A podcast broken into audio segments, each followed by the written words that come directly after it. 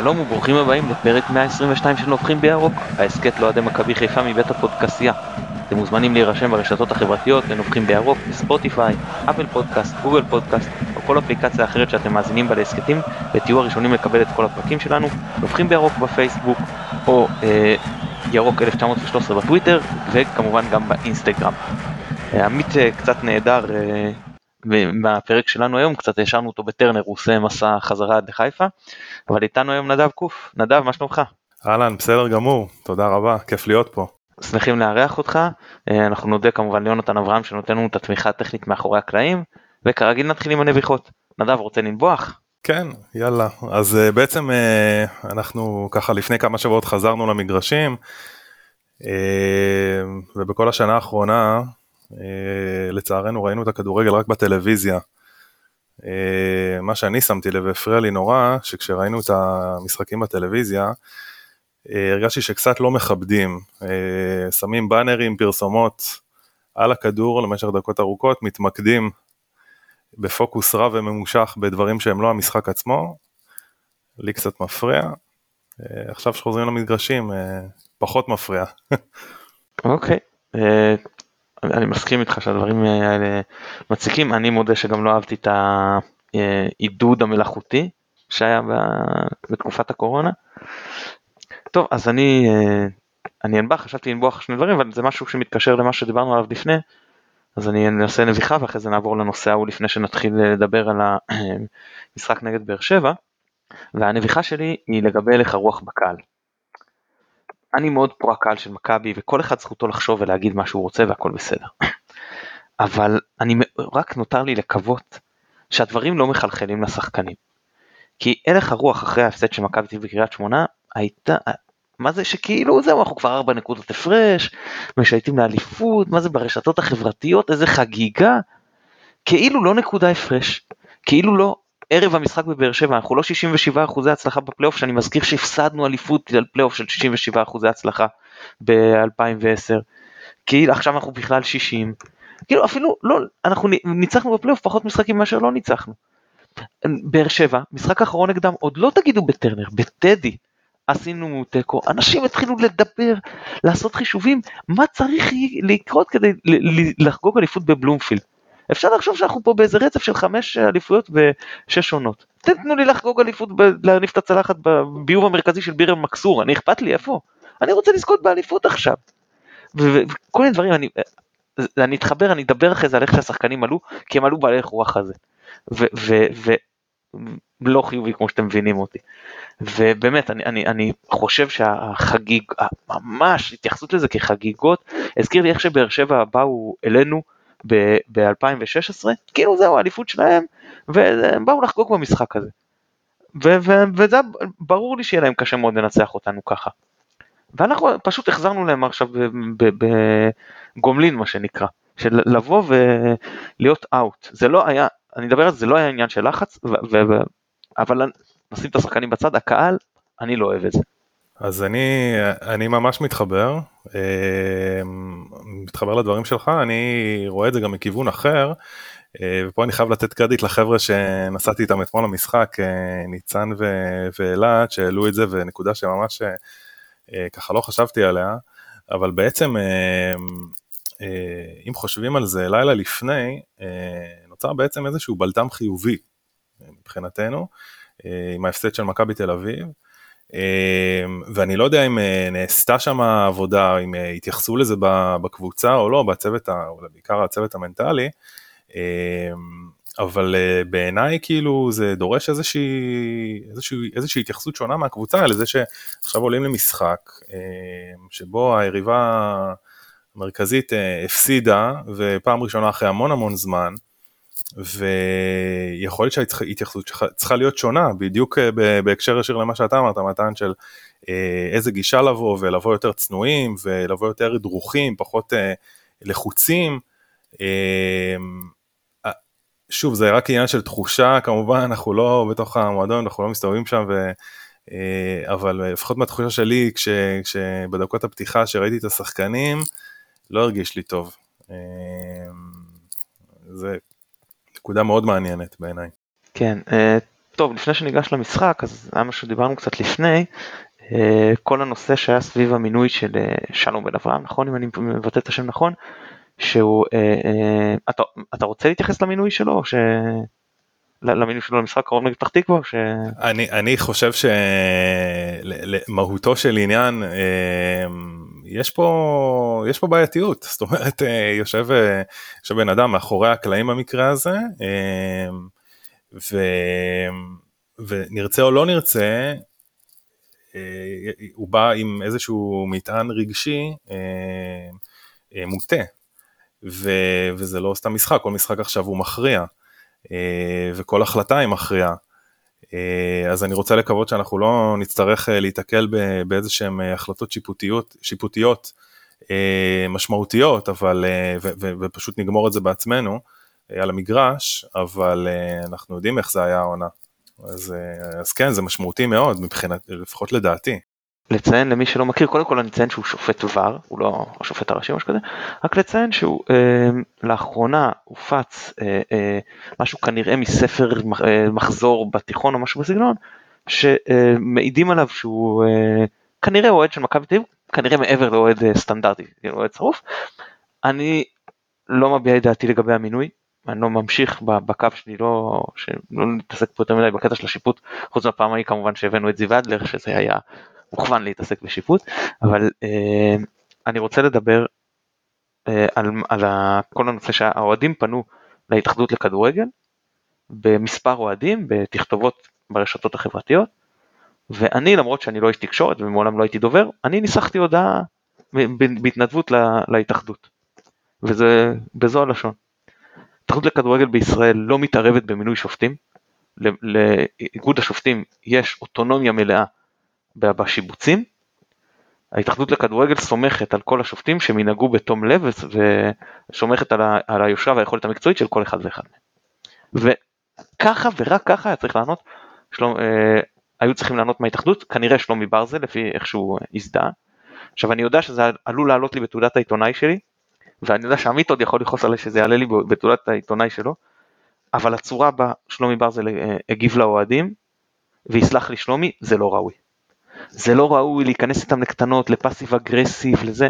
אתה לא עכשיו עוד, אה, אתה, עוד אה, אוהד מן היישוב, ואתה אפילו לא דובר של קבוצה, אתה דובר של ההתאחדות לכדורגל, של נבחרת ישראל.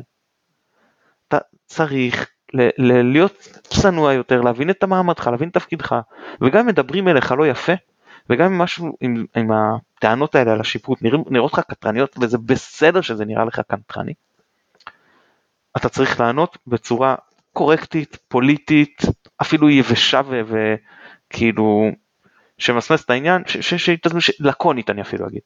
שיתעזבנו שיגידו לך מה זה התשובה הלקונית אתה ככה אותו דבר. סומכים עליהם, זה, זה לא בידיים שלנו, להתאחדות בקשר הזה, זה איגוד השופטים, אנחנו סומכים עליהם. זהו. להתחיל לענות לאוהדים, לגופו של אוהד, לשאול אותו את מי אתה אוהד, ובגלל שזה, מה זה בכלל העניין הזה? מה אתה עושה פה חקירות לאוהדים שפונים אליך? איזה התנהלות זאת? זה, זה, זה התאחדות, עם כל הכבוד, זה לא התאחדות שלך, אתה לא בן אדם פרטי, זאת לא התאחדות פרטית, זה גוף ציבורי, מה שנקרא, נא להתנהג בהתאם. זו דעתי אה, לגבי התשובות של ברזל שהפריעו לי הרבה יותר מה, מהמינוי של, של השופט למשחק הזה. אגב, אני אחזור רגע עוד חצי צעד אחורה לגבי שוב עניין המהות. אמ, חשוב להגיד שיש אלטרנטיבות, זאת אומרת, זה נכון, זה כאילו לכאורה אוהד של, אמ, למרות ש, ש, שהדברים די אה, כאילו רצים אה, זה, אבל, אה, אבל יש אלטרנטיבות, זאת אומרת יש אחרים שיכולים לעשות את זה, למה לא לשבץ דווקא למשחק אחר שלא קשור ל, ל, ליריבות בצמרת. יש אלטרנטיבות. תראה, אני אהיה פה קצת דביל אדבוקט, בסדר? כאילו אני העורך דין של השטן. כל השופטים, 99% מהשופטים, מגיעים כי הם אוהבים את הענף, וכל, כילדים שאתה אוהב את הענף אתה אוהד קבוצה כלשהי. סיכוי שאף אחד, לא, ואז אני חושב שזה מאוד בעיה של, ל, ל, ששופט לא ישפוט גם את הקבוצה שלו וגם אולי קבוצות שיכולות להיות יריבות וזה זה איפשהו יכול להיות בעייתי. למשל אלון יפת הצהיר פעם אני אוהד מכבי נתניה. אני חושב שהוא יצא לשפוט את נתניה, אני לא זוכר שהיה לו איזה הטיה כלפיהם. אני, גם כשנתניה נאבקו על אירופה או כל מיני דברים, אני חושב שהוא שפט יריבות, לא זכור לי שזה היה איזושהי, לא, שהייתה איזושהי בעיה עם העניין הזה. זהו, אני מאוד מקווה שופטים כן יודעים לשים את הדברים בצד, ולכל הפחות עומדת להם אה, חזקת החפות מה שנקרא, אני כן אומר שבשנות התשעים כשהיה מאבק בין שתי הקבוצות הללו, אז החליטו ששופטים מתל אביב לא שופטים את מכבי חיפה ושופטים מחיפה לא שופטים את מכבי תל אביב, לפחות בחלק האחרון של העונה, כל עוד זה היה צמוד. אה, להגיד שזה עכשיו צריך להיות או שבכלל אפשר, היום גם אז היה אבל היום עוד יותר אין, אתה יכול, מישהו מבאר שבע יכול להיות מכבי חיפה או מישהו מקריית שמונה מכבי תל אביב, קשה מאוד לעשות את הניטור הזה. אמ, ברור שכל שופט צריך להצהיר לדעתי לא בפני הציבור, בפני איגוד השופטים. בילדותי אל תיקח, אני משוכנע לחתום, כאילו אני אשמח שאני יודע לשים את זה מאחוריי, ובאמת יכול להיות שאיגוד השופטים צריך כן לנטרל את זה באיזשהו אופן ולא לשים אותו במשחק רגיש הזה, אבל זה אני משאיר למשבץ, אני באמת מקווה שתום הלב אה, יהיה כאן, בכל מקרה נכנס פה לאיזושהי פינה, כי אם הוא יפעל בצורה מסוימת אז יגידו כי אתה אוהד מכבי תל אביב, אחרת אז יגידו בגלל הלחץ שהפעילו, כן יש פה איזה מוקש ומקווה שלא יזדקקו לא לזה ולא לזה. טוב יאללה בוא נעבור לדבר קצת כדורגל, תן לי ככה סיכום מקרו שלך לתיקו המאוד מאוד מאכזב אתמול. אז אמ, טוב אז ככה אני יצאתי בתחושה חמוצה מתוקה. אני חושב שבדקות הפתיחה אני, אני חושב שרוני לוי עשה בעצם איזשהו מט לברק בכר. אמ, בעצם בעשר דקות רבע שעה בעצם אפשר להגיד עד הגול שספגנו אה, ממה שאני ראיתי וניתחתי אה, אקולציה פשוט אה, פשוט אה, זה היה מיסמץ' עם, עם אבוקה בצד צד ימין שלנו. אני מניח שגם התווסף לזה העניין של הפציעה של מבוקה. ואני חושב שמה שקרה זה בעצם הוביל לאיזשהו חוסר ביטחון רוחבי כמו משהו שכזה מתפשט לאורך כל החוליה, עבר אפילו דרך פלניץ' לארד, רודריגז, לדעתי גם בגלל זה הוא היה קצת עצבני יותר, הוא פשוט לא הסתדר עם מבוקה. ואני גם חושב שברק בכר במקרה הזה, זאת אומרת הוא הגיב נכון, הוא הגיב טיפונת מאוחר מדי, הוא הגיב אחרי הגול בעצם. אה, יש מצב שבעצם אם היה נכנס שרי אה, ברבע שעה הראשונה לפני הגול, אם אין אותו הגול היה דקה 25 או משהו כזה, אה, יכול להיות שהיינו נמנעים מהדבר הזה. פלוס אה, הייתי מוסיף לזה את החששות, כך לפחות לפי השפת גוף של נטע לביא, אה, לא לספוג את הצהוב אה, שיגרום לו לא לשחק נגד מכבי תל אביב, ממש היה משחק מאוד רך. הוביל למה שהוביל. יחד עם זאת, זאת אומרת, באותה נשימה, ברק כן עשה את השינוי בסוף, ואני חושב שבמחצית השנייה כן נכנסנו טוב. והצלחנו להשוות, אמ, ואפילו בדקות הסיום אני חזיתי בדמיוני איך אנחנו גם מנצחים פה דקה 90 ו, וחוגגים אה, אה, בצורה מאוד כיפית, אבל, אה, אבל לא קרה. אז ככה שכן, מאכזב קצת, אפרופו מה שדיברנו מקודם עם העניין המנטלי ואיך לבוא למשחק. מצד שני כן, גם לא הפסדנו, ובשורה התחתונה, אם נרצה או לא נרצה, הגדלנו את הפער.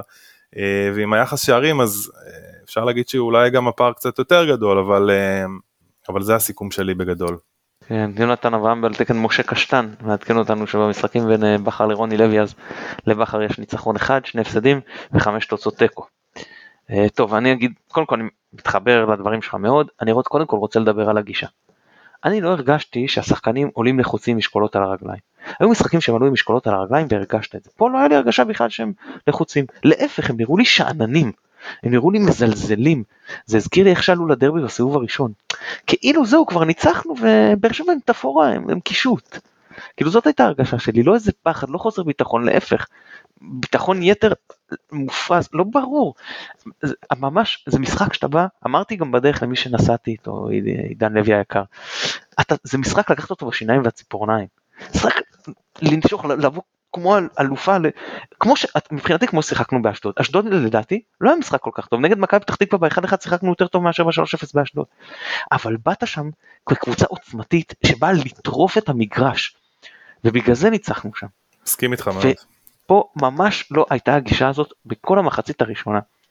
עכשיו, אה, מבחינה טקטית, אז בכר עלה סוג של 3-4-3, ובאמת המיסמץ' עם, עם הקולציה אני הרגשתי את עומר מבוקה זה גם מבוקה וגם לא פחות אולי אפילו יותר רודריגז. עכשיו זה מבחינתי strike 1. רודריגז אחלה שחקן אבל זה ברור שהוא לא מסוגל להתמודד עם קואליציה גם עם הדריבל גם עם המהירות עם הכוח בשום מצב הוא לא זה שאמור אה, להיות מולו. וכאילו אה, אתה, אתה מכין אתה, אתה, זאת הכנה ליריבה שהיא פשוט לא מתאימה, זה strike 1. strike 2 בהכנה ליריבה, זה שוב עניין של רודריגז. ידענו שרודריגז בסכנת צהובים. אני אומר תתייחס למה שאמרת על נטע לביא כי צדקת מאוד. רודריגז בסכנת צהובים. אז הוא, הוא, זה מצחיק שאתה בא, מההתחלה הוא שומר על עצמו, ועל מה הוא מקבל צהוב? לא על איזה עצירת מתפרצת צהוב, אפילו לא על משהו שהייתי אומר שזה מעצבן אותי, אבל אני מבין ניסיון לחטוף איזה כדור מקדימה שאולי יצא מתפרצת. על פרובוקציה של ג'וסווה שזה מספר אחד בפרובוקציות אז זה שוב עניין של בכר. יש לך שחקן עם צהובים תכין אותו תכין אותו שאסור לזה ברור שהרי הוא יתסכל אותנו תכינו אותו זה הכוכב של היריבה אתה לא מכין אותו רק מקצועית השחקנים לשחקן הזה אתה מכין אותו אותם גם להתנהגות שלו והתנהלות שלו על המגרש זה גם חלק מהעניין לא ליפול בדברים האלה. כי אתה יכול לשלם על זה בעונה על הדבר הזה על הדחיפה המיותרת הזאת. זה strike 2. וה strike 3 שלו, מה שנקרא and you're out, זה הסיפור עם סנטאיה וסולליך. הטיקט של סולליך זה הדריבל הזה לשטח. הרי על זה הוא בנה את הקריירה שלו, זה מה שהוא עושה כל כך טוב. אז אתה מבין שלוי, כמו שאמרת נדב נכון, מוצב, לוי היה רך מאוד בצורה קיצונית. וזה ברור כי הוא, הוא שמר על עצמו. אז תצמיד אליו את הבופני. אתה לא יכול לתת לו לטייל באמצע. סלליך היה אתמול לשחקן מספר 1 על המגרש בהפרש. הוא רצח אותנו. אתה לא, אתה לא יכול לתת לו לטייל ככה. זה באמת, זה פשוט לבוא לא מוכן לקבוצה שנגדך, וזה לא שהם עשו פה, שלפו איזה שפן מהכובע, איזה משהו שאתה אומר, וואו, הפתיעו אותנו. לא, זה הדברים שהיו ידועים מראש. וזה אה, אה, דברים שעצבנו. הכנה מאוד רגועה. מה שכן יאמר לזכותו של בכר, שהוא הגיב מהר, והוא הגיב נכון. קודם כל, תוציא את רודריגז מההגנה, שים אותו חזרה קשה. זה כבר היה מהלך נכון, תעבור במקום לשחק קו 3, זה אפילו היה קו 5, זה היה קו 3 מאחורה, תחזור לשחק שם קו 4. אה, אחרי זה הוא, הוא, הוא באמת ראה שזה גם לא הולך, עם השלוש באמצע, שפשוט המשחק ההתקפה שלנו לא עבד, כי אצילי וחזיזה, גם מחצית ראשונה, גם מחצית שנייה, מאוד חלשים. עכשיו באמת, שאחד אז הש... אה, חלש, אז השני נותן לך פה ששניהם יהיו כל כך חלשים, ולא יתפקדו, פשוט שרי זה היה נזקק, יהיה אפשר לוותר על זה, יהיה אפשר לחכות כבר עם החילוף הזה פשוט. וטוב בכר שעשה אותו מוקדם. יצא קצת מצחיק, כאילו שם את הבלם במקום לשים את גרשון, שהרבה יותר מותאם לשחק בשלושה בלמים. שמת את רודריגז, אחרי זה צריך לעבור איתו לאמצע, זה גם לא הלך והוצאת אותו מוקדם. כאילו, כאילו גם בזבזת חילוף, גם ירדת לשער פיגור, כאילו כל באמת ההכנה שלו למשחק של בכר הייתה רעה מאוד. אבל לפחות הוא עשה את זה. במחצית, שהוא הוציא את מבוקה והכניס את מאיר, אני בכלל לא ידעתי שזה בגלל פציעה. מבחינתי זה היה חילוף מתבקש כי מבוקה בעייתי בקו 4. ומאיר היה, מבחינתי, השני אחרי אבו פאני אצלנו מבחינת הרמה, אבו פאני היה מספר 1, ואחרי זה מאיר. טוב בהגנה, טוב בהתקפה, נתן כדור לגול, מה זה, איך אפשר להגיד, כאילו, ממש כדור מצוין, ובכלל, כל הזמן פתח, אם אצילי היה משתף אותו יותר, יכול להיות שההתקפה שלנו גם הייתה נראית אה, יותר טוב במחצית השנייה, כי הוא כל הזמן פתח ועבד, ואני מאוד נהניתי ממנו במשחק, משחק שבאמת רוב הקבוצה שלנו הייתה חלשה בצורה יוצאת דופן, אה, חוץ מבאמת ג'וש, רז מאיר, אה, אה, אבו פאני שהיה הכי טוב אצלנו וקצת שרי, השאר הבלמים שיחקו לא טוב, ארד, מיקום נוראי, עולה ללחוץ גבוה מתי שלא צריך, מאבד שחקנים, עוברים אותו בדריבל, כאילו ממש, אני, אני מסתכל גם על, על סטטיסטיקה, ארד זה שחקן שלוקח בדרך כלל מאבקים באחוזים מאוד גבוהים. אה, לא יודע ביחס לליגה, אבל אה, ש, אני מניח שבין הגבוהים בליגה. פה שהוא ייקח 60 אחוז, זה מה זה נמוך בשבילו. וגם אה, פלניץ', אני מניח שהציוות הזה של פלניץ' לוקח את אה, יחזקאל בכדורי גובה, זה כן הכנה טובה של בכר, אבל הוא בכל זאת שם עליו את הגול. אני, אני חייב להתייחס מתן, אה, קודם כל אני ממש מתחבר למה שאתה אמרת, אני, יש כמה דברים שאני ממש רוצה, כאילו הייתי שמח להתייחס. בטח בטח אני אמשיך אחר כך, דבר ואני אמשיך אחר אה, כך. אני, אני חושב שא', אה, לגבי גרשון, אתה צודק, גרשון זה קלאסי לשלושה בלמים, זה הדבר שאולי הכי טוב בו כבלם שמאל. יחד עם זאת, אני חושב שהבעייתיות עם גרשון, במיוחד במשחק הזה, זה החוסר יכולת אה, לעבור משיטה לשיטה, לעומת אה, רודריגז. עכשיו, אה, אני נוטה להסכים, זאת אומרת, בסוף אה, במשחק הזה אני לא בטוח שצריך לשנות הרבה שיטות, זאת אומרת, תמיד אה, אולי יש פוטנציאל אה, לשנות אה, שיטה, אבל אתה כבר חטפת את הגול, אתה יודע מה, היית יכול כבר להכניס את גרשון במקום אולי רודריגז, ו, ולשחק שלושה בלמים קלאסי. אז זה לגבי הסוגיה הזאתי. אמ, קצת לגבי מה שאמרת על אבו פאני, אבו פאני אני פשוט הרגשתי, גם דיברנו על זה ביציע, שאתה אתה, רואה שהוא באמת היחידי שנלחם.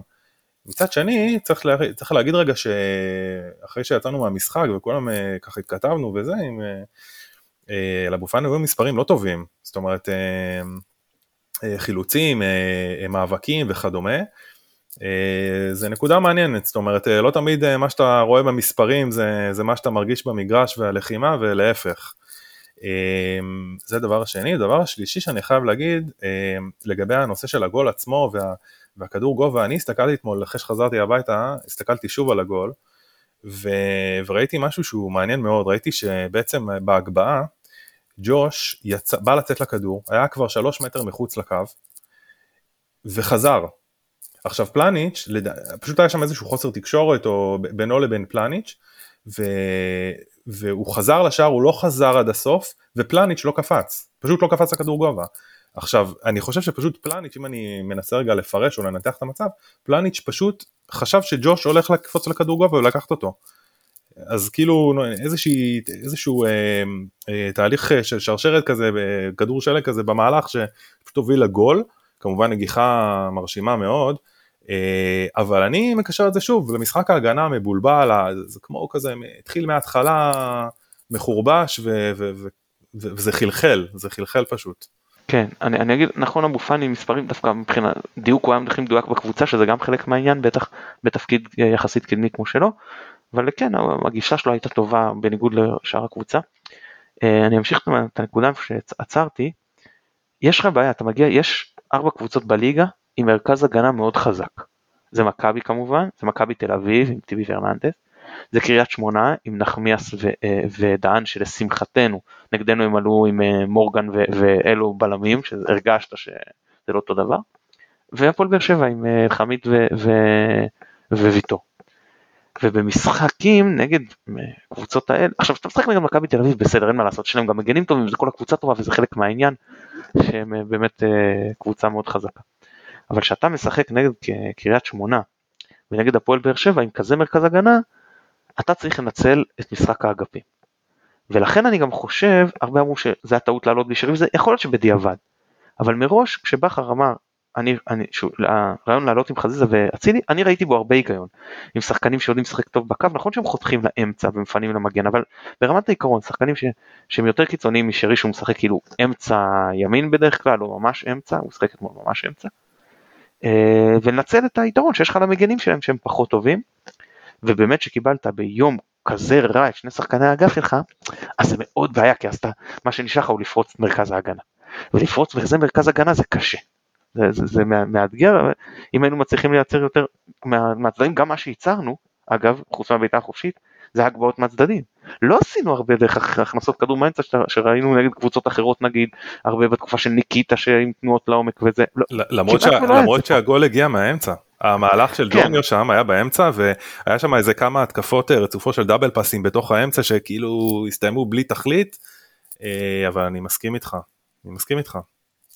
זהו, אז, אז התיקו כמובן התוצאה מאוד מאכזבת והכדור שם שוויטור לקח אני אגב הדגל הסתיר לי אז עד שלא ראיתי את זה והראו לי בטלפון לא, לא הבנתי מה היה שם בכלל כאילו ראיתי את חזיזה נוגח לשער והייתי בטוח שזה הולך פנימה פתאום אני רואה את הכדור עף חזרה ואמרתי זה דני דינאי שם את הכדור? כאילו מה, מה הלך שם כרגע? איך זה לא נכנס? ואז באמת ראו את ויטור עם באמת הצלה פנטסטית. זהו, אה, ועוד נקודה שרציתי לגעת בה, זה שיכול להיות שבסוף כשהדברים לא, לא עבדו, אני לא יודע, זה קל לבקר פה את, את בכר ואני מבין למה הוא רצה להמשיך באותו מערך, אחרי שהוא כבר שינה מערך במהלך המשחק, אולי אפילו שניים עם ההכנסה של שריז, זאת אומרת פתחנו סוג של 3-4-3 ואז עברנו ל-4-3-3 ועם שריז אולי היה סוג של 4-2-3-1 כזה, אה, או 4-1-4-1 לא משנה. ואחרי זה שהוא הכניס את, אה, את עווד זה היה כאילו עווד היה בסוף בימין ורוקאביצה באמצע. ואני מבין את הרעיון של בכר, לא, אני באותו רגע חשבתי שאיך שאנחנו נראים יותר הגיוני שגם עווד ייכנס לאמצע ונתן לדחוף כדורים מרחבה, בסדר זה קל זה קל לדבר אחרי כי אם הכדור של חזיזה נכנס אז כולם מדברים כמה כמה בכר הצליח להוציא מהבור מהבור וכמה הוא גאון וזה אז זה, זה לא ביקורת פה זה סתם איזושהי מחשבה שעברה לי איזושהי מחשבה שעברה לי אה, תוך כדי המשחק. וזהו צריך לתת גם קרדיט לבאר שבע ש... שידעו להקשות עלינו וידעו לנטרל אותנו התקפית חוץ מהפריצות של סלליך וכאילו קצת אקולציה בהתחלה ואחרי סליך הם לא באמת הם לא מאוד סיכנו אותנו אבל ידעו לשים את השער, ידעו זה. ואני אגיד לסיום, שיצאנו אה, מהמשחק, אני יצאתי מהמשחקים נגד מכבי תל אביב, משלושת המשחקים, בהרגשה שהם היו טיפה יותר טובים, אבל תיקו שיקף, תיקו היה מוצדק. וגם במשחק שהם ניצחו אגב. וגם פה יצאתי בתחושה של אנחנו היינו קצת יותר טובים, אבל תיקו היה מוצדק. כאילו אם הכדור של חזית זה היה נכנס, זה עושה עוול אה, לבאר שבע לדעתי. אה, כאילו לא הגיע לנו לניצחון, צריך להגיד את האמת, למרות קבוצה אלופה יודעת לקחת את הניצחונות האלה גם כשלא מגיע לה, גם כשהיא ביום פחות טוב, גם כשהיא יודעת לנטרל את היתרון שהיא קצת יותר טובה, גם ללוח התוצאות, וזה לא ידענו לעשות. עוד משהו על המשחק אתה רוצה להגיד?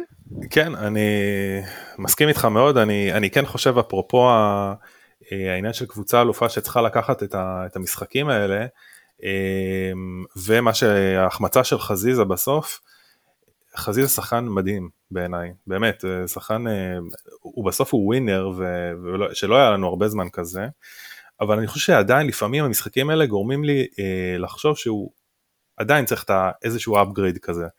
זה, זה בדיוק המשחקים שבמקום לבוא בעודף מוטיבציה וזה רגע לנשום עמוק, להיות מרוכז, ו, וגם את ההצלה שם של ויטור זה, זה כנראה משהו שהוא פנומנלי ו, ו, באמת כל המחמאות שם לוויטור, אבל, אבל הדריבל, ליצור את המצבים, אה, לבוא ולקחת את המשחק, זה גם נכון לגבי אצילי, כן, אבל, אבל, אבל פה באמת, אה, וזה האפקייט שאני חושב שעדיין חסר לו, עדיין חסר לחזיזה.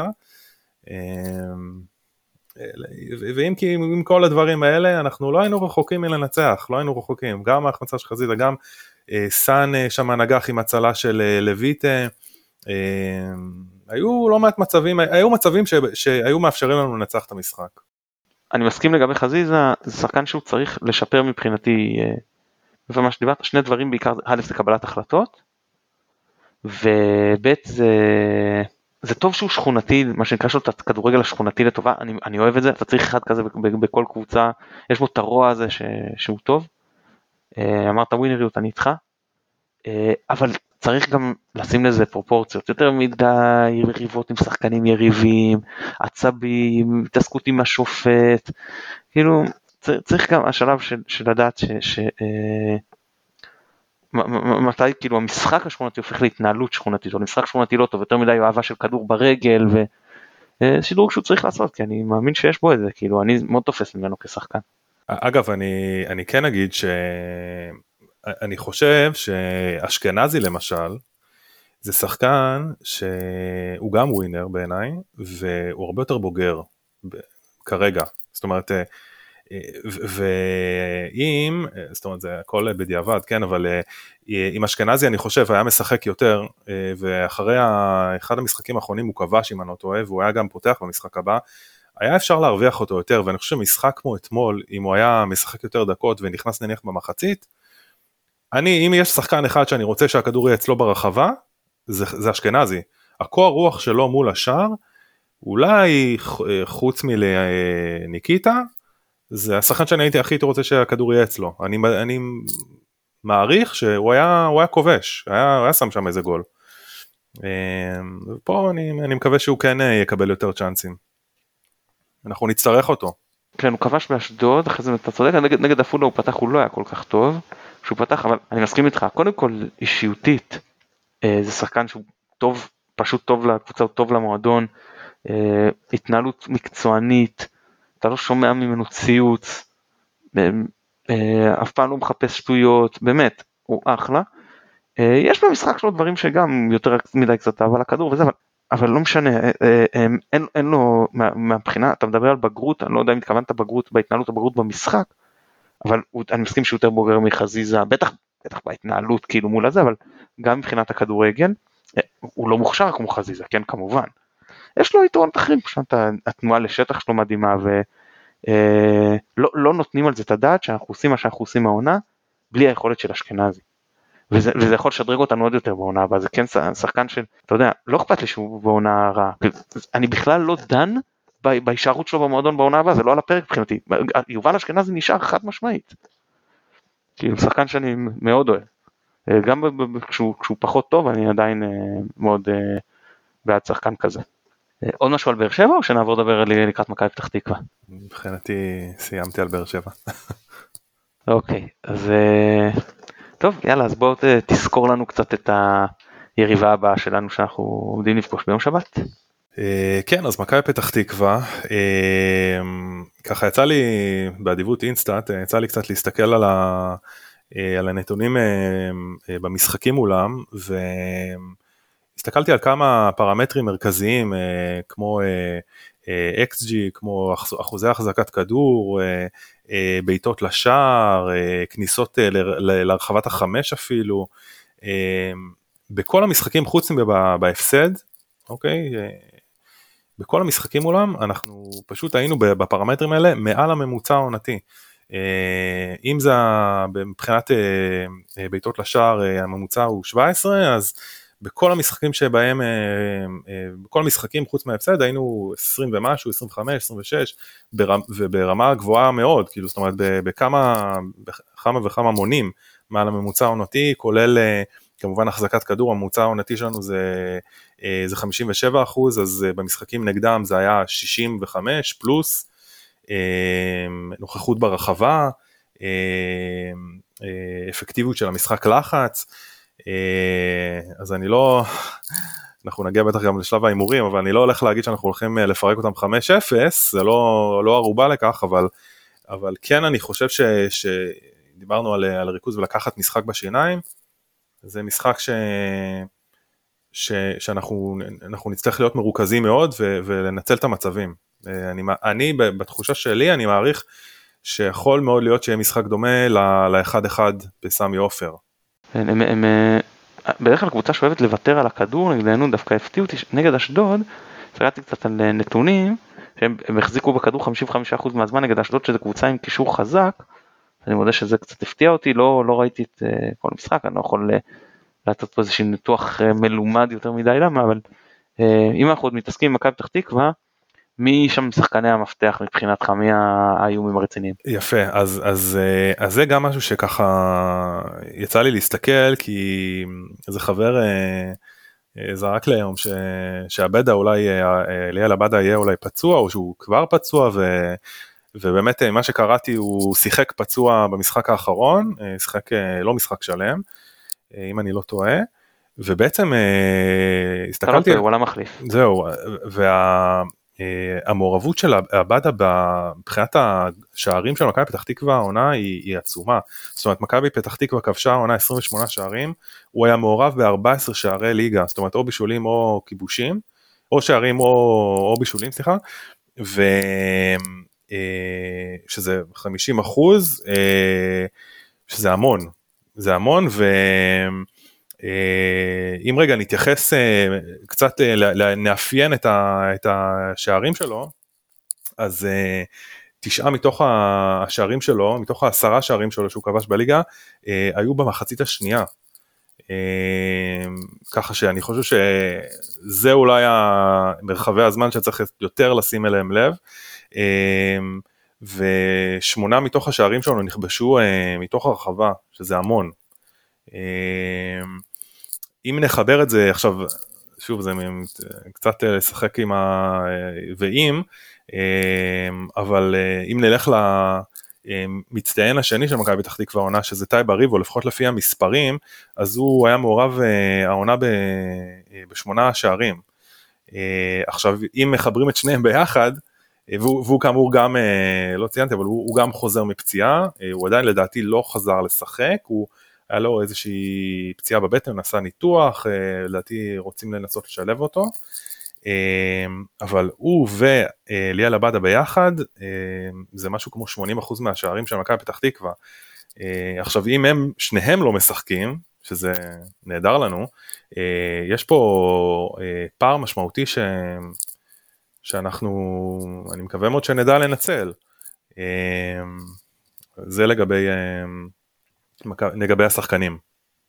כן הזכרת אותה דיברת על ה-XG אז סתם אני אציין שנגד אשדוד, שבאמת אתה אומר בלי בריבו, שעדיין לא חזר, ובאמת עם עבדה כמחליף, שאגב, פתח סוגריים, זה לא מפתיע אותי שהוא כובש יותר מחצית השנייה, כי ההגנה יותר עייפה והקבוצות אולי יותר מהמרות, ויש לו יותר שטחים והוא באמת סילון, אה, סגור סוגריים. אז אה, הם השיגו נגד אשדוד קבוצה עם הגנה פחות טובה של מכבי, לטעמי 0.3, שזה מאוד נמוך, זה אומר שבאמת הם לא הצליחו יותר מדי לסכן את השער. אה, כמובן זה משחק חדש זה דבר אחר אנחנו בטח נאמר יותר על התקפה כי לאשדוד תיקו היה טוב ולנו תיקו זה רע אבל סתם אני, אני, לתת איזושהי תחושה כללית זה גם יכול להיות יום רע אבל סתם תחושה כללית אה, למה המסוגלות ההתקפית כששחקנים כאלה אה, חסרים. אה, אינברום זה גם שחקן טוב, בדרך כלל הוא עולה מהספסל ונותן לנו ערך מוסף, אה, נגד אשדוד למשל הוא פתח, אני מניח גם בגלל ההערות של הבדה אז לא, לא הייתה להם יותר מדי ברירה, זה גם מקטין להם את ה... מקצר להם את הרוטציה ואת האפשרות להפתיע מהספסל, ואני גם אתן מחמאה, אגב לפני שנעבור לדבר על מכבי, ללוזון, שאני מאוד ביקרתי אותו בעיקר כשהוא היה במכבי, והעונה הוא פשוט עושה עבודה פנטסטית, מבחינת סגל, יש קבוצות אה, בית תחתון עם סגל יותר טוב משל מכבי פתח תקווה. והקבוצה נראית, לא רק שהוא מצליח להביא את הקבוצות, הקבוצה נראית מאומנת, עומדת נכון על המגרש, מבצעת פעולות נכונות, כאילו, באמת, שאפו לגיא לוזון ועל העונה הזאת. אני חייב להגיד בהקשר הזה שאני מצטרף לפרגון שלך, אני חושב שהוא אה, בעצם ממקסם, זו דוגמה יפה ממש למקסום של הכלים שיש לו. אה, יחד עם זאת, אני חושב, ש... אני חושב שגיא לוזון אה, הוא מאמן שבעיניי מתאים רק לטייפקאסט מאוד מאוד מסוים של קבוצות. כמו גם אגב אני חושב רן בן שמעון. זה ה, לדעתי האזורים שבהם הוא, הסוגי קבוצות שהוא יכול הכי הרבה להצליח בהם. אני, אני גם חושב ככה. Uh, טוב בוא נעבור לדבר על uh, מכבי. אז uh, מה שנקרא נקפוץ למים הארוכים, העמוקים סליחה. מה ההרכב שלך ליום שבת? וואו שאלה מצוינת. Um, תראה אני, אני למרות התוצאה אה, המאכזבת במשחק האחרון אה, ב-1-1 אה, סמי עופר, כולם ובצדק לקחו את, ה, אה, את היכולת. אה, ואני חושב, אם אני לא טועה ביכולת, אה, במשחק הזה אנחנו שיחקנו קו 5, נכון? נגד, נגד מכבי פתח תקווה או נגד הפועל באר נגד מכבי פתח תקווה בסמי עופר ב-1-1. אה, מחצית ראשונה כן, וזה גם היה נראה טוב, מחצית שנייה זה היה נראה רע ותוך חמש דקות ספרנו את השער ואז בכר שינה. כן אז אני נוטה זאת אומרת זה גם אני חושב שזה כן הייתי תולה את זה יותר ב, ב, ב, גם בליאל עבאדה אה, כי הוא באמת שחקן אה, משמעותי מאוד. אני חושב שיכול להיות שכן אם, אם הוא משחק אני כן הייתי הולך על, אה, על, על קו 5 ובמקרה הזה אני כן הייתי משחק עם, עם רמי גרשון זאת אומרת בדומה למה שהיה במשחק הקודם רמי גרשון ארד פלניץ' רז מאיר כמובן. פלניץ', אז פלניץ' לא היה, לא שיחק, שיחק רודריגז כאילו נכון, איתם. נכון, נכון, אתה צודק. היה מוצב. אתה צודק, אתה צודק, אה, אבל במקרה הזה אני כן הייתי משחק, אה, למרות זאת הייתי משחק עדיין עם, עם שלושה בעלים, פלניץ' ארד אה, מימין רז מאיר, משמאל סן מנחם. עכשיו החוליה יותר מאתגרת פה זה הקישור באמת, איך לעלות, אני, אני הייתי עולה עם רודריגז, עם אבו פאני, ואני הייתי עולה, עולה גם עם אשכנזי. אה, עם חזיזה ועם חלוץ. חזיזה מוצב, חזיזה ושירים חזיזה מוצב, נכון, נכון, אז, אז סליחה, עם אצילי ועם חלוץ עם עווד. אוקיי. מעניין. אה, ההסבר כאילו עווד אני פשוט חושב שאני אישית חושב שהוא גם היה צריך לפתוח אתמול. אה, בכלל אני יש דברים שאני לא כל כך מתחבר אליהם אה, שחקן שמבקיע אני חושב שהוא חייב לקבל את המושכות בהרכב משחק הבא צריך ליצור פה המשכיות והוואד במקרה הזה אני חושב שצריך לתת לו לשחק הוא בזון זאת אומרת הוא היה בזון אני מקווה שהוא. ודוניו עולה מהספסל גם כן לא רע אז, אפשר פה זה מה שאני הייתי עושה בכל אופן. כן, יכול להיות שברק רצה גם איזושהי רוטציה מסוימת כי בכל זאת שיחקנו חמישי שני בעומס כן. ויכול להיות שהוא גם לא רצה להעמיס יותר מדי. אה, אני אגיד לקראת המשחק שמבחינתי איש המפתח שלנו בהפרש זה עומר אצילי. חזיזה לא נמצא ושרי לא נמצא ווילד זכות בתקופה לא טובה, ב... ב... לא חזר עוד כל כך מהקורונה, הוא לא פה ושם מפרקות אבל זה לא זה, אשכנזי בעונה פחות טובה, uh, החלוצים שלנו, אז רוקאביצה, פשוט לא אותו שחקן מאז הקורונה, הוא לא חזר לזה פיזית. עווד uh, ודוניו, לפעמים טיפה יותר, טיפה פחות, זה עדיין לא חלוצים שאתה מאוד סומך עליהם, uh, זה, ואני לא זוכר, העונה בטוח, ואולי גם מעבר לזה, מתי לאחרונה הקבוצה הייתה התקפית לקראת משחק כל כך תלויה בשחקן אחד. עכשיו וילד זכות, גם אם הוא ישחק, בוא אני אגע בזה מה אני חושב שצריך יותר כן, גם אם הוא ישחק, זה שחקן של השלוש ארבע פריצות במחצית, אין לו את ה... גם מנטלית וגם כושר גופני, אין לו, הוא לא שחקן כמו חזיזה שאתה דוחף אליו כדור אחרי כדור אחרי כדור אחרי כדור. הוא לא, הוא לא עומד בזה פשוט. היה פעם אצילי יצטרך להיות כן אחד כזה ואצילי דווקא מסוגל להיות אחד כזה. אבל לצערו של אצילי א' הוא יצטרך לעשות את זה 90 דקות אין ברירה. הוא יצטרך לקבל כדור, כדור כמות כדורים מאוד גדולה. הוא יצטרך לייצר איתם הרבה. לפעמים מול אה, שמירה כפולה ומשולשת הוא יצטרך למצוא את השחקן הפנוי. אה, זה, זה המשחק שלו בשביל זה הביאו אותך כאילו פה, פה זה, זה, זה המקום שלך להתבטא נותנים לך את המפתחות נותנים לך את המושכות זה משחק אה, קשה יש קשים ממנו אבל וזה המשחק לעשות את זה. לא, לא, בטוח, לא בטוח שזה יהיה 90 דקות, זאת אומרת אני מאוד מאוד מקווה שזה יהיה גם בפחות ואז אתה יודע אתה תוכל להחליף, זאת אומרת הוא יוכל להתחלף בשחקן אחר. כן, בהנחה שהתוצאה, נכון. שהמשחק עדיין חי, כאילו כן, זאת הכוונה כן, שלי. כן.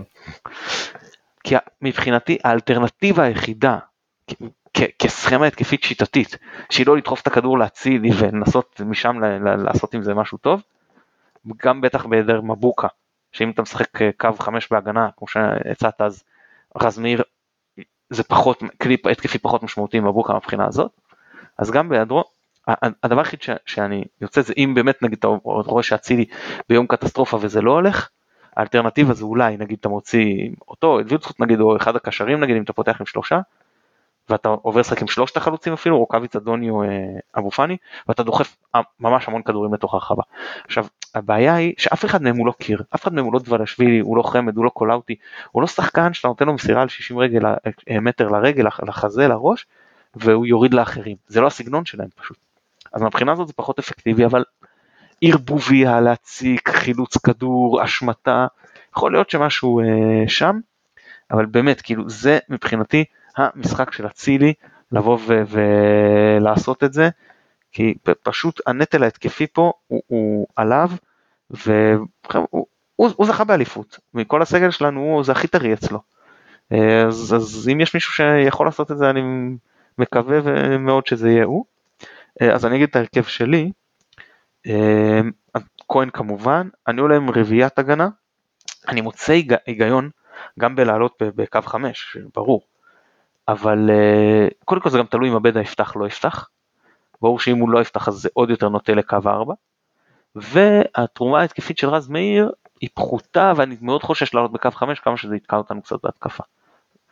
אה, אני עולה עם, אה, בהנחה שזה קו 4 עם שלושת הקשרים שלנו, אם זה קו 5 אז כמובן רק עם שניים מהם, על מי אני מוותר? צריך לחשוב אולי על אולי להביס צריך, אבל אבו פאני, אבו פאני באמת בעומס אז אולי עליו, שהוא יכול להיות צריך לנוח יותר, למרות שהוא כלי התקפי יותר רציני מהשניים האחרים, לא יודע, זה מאוד קשה לי כרגע להחליט, אני מודה. אה, אני, אבל ברמה עקרונית אני פותח עם שלושתם, עם רביעיית הגנה, ועם אצילי בימין, וילצחוט בשמאל, ודוניו באמצע. כשגם עווד מבחינתי זה בא בחשבון זה גם בסדר. אה, זהו, אני פשוט אה, לא רוצה לשים רק על אצילי את כל ה... עם כמה שזה הוא יקבל פה, הוא צריך את הכמה פעמים, שגם, לדעתי שגם אפשר ללכת לווילצרוט. וסן מנחם זה עדיין לא טלב טוואטחה בסיום מבחינת היכולת ההתקפית. אז זה מה שנראה לי, זה מה שהייתי מנסה, בכר יצטרך כמובן, יהיה לו יותר קשה מאיתנו לקבל את ההחלטה, ואנחנו מגיעים לנקודה מה לעשות מאוד קריטית, אמ, שחסרים לנו שני כלים התקפיים משמעותיים, וחלק מהעניין של איפה נמדדת אלופה, לדעת לבוא ולעשות את הדברים האלה גם כשקשה, בתקווה באמת שבריבו ועבדה לא ישחקו, אנחנו נקבל 4,000 אוהדים שלנו, מכבי כאילו 4,000 כרטיסים, זה מה שנקרא חצי משחק ביתי, אה, זהו, הרבה תנאים מהבחינה הזאת אה, לטובתנו. אה, עוד משהו שאתה רוצה לקראת המשחק? לא, אז יאללה, אז בואו נהמר. אז זה החלק יום שאני, שבת. זה החלק שאני הכי מפחד ממנו. כן, אה? יום שבת, הראשון במאי, יום חג הפועלים, דווקא היה נחמד לנצח את הפועל באותו יום, אבל קיבלנו קבוצה ממרכז מכבי. אצטדיון המושבה, מחזור, הסיבוב הראשון של, ה, של ה, המחזור הראשון של הסיבוב האחרון והשני בבית העליון, מחזור 32, תן לי תוצאה. אחת אחת. אוקיי, אז גנבת לי מה שנקרא את ההימור, גם אני חושב אחת אחת, שמכבי תגיע, מה שנקרא, תגיע לבלומפילד במקום הראשון, אבל היא תגיע למקום הראשון עם שוויון אה, נקודות שההפרש שערים אה, עומד לזכותה, ובבלומפילד עוד אה, ניגע במשחק בבלומפילד. בוא נקווה ששנינו טועים, אבל זה כרגע ההימור.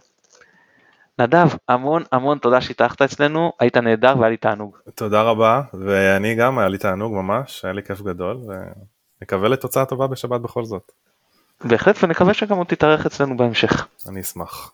אנחנו נודה ליונתן אברהם שנותן לנו את התמיכה הטכנית מאחורי הקלעים, נזכיר את עמית פרלה שבתקווה יחזור אלינו אה, אחרי לסיכום של המשחק נגד מכבי פתח תקווה ולקראת משחק העונה. אני מתן גילאור, תודה רבה שהאזנתם, ביי ביי.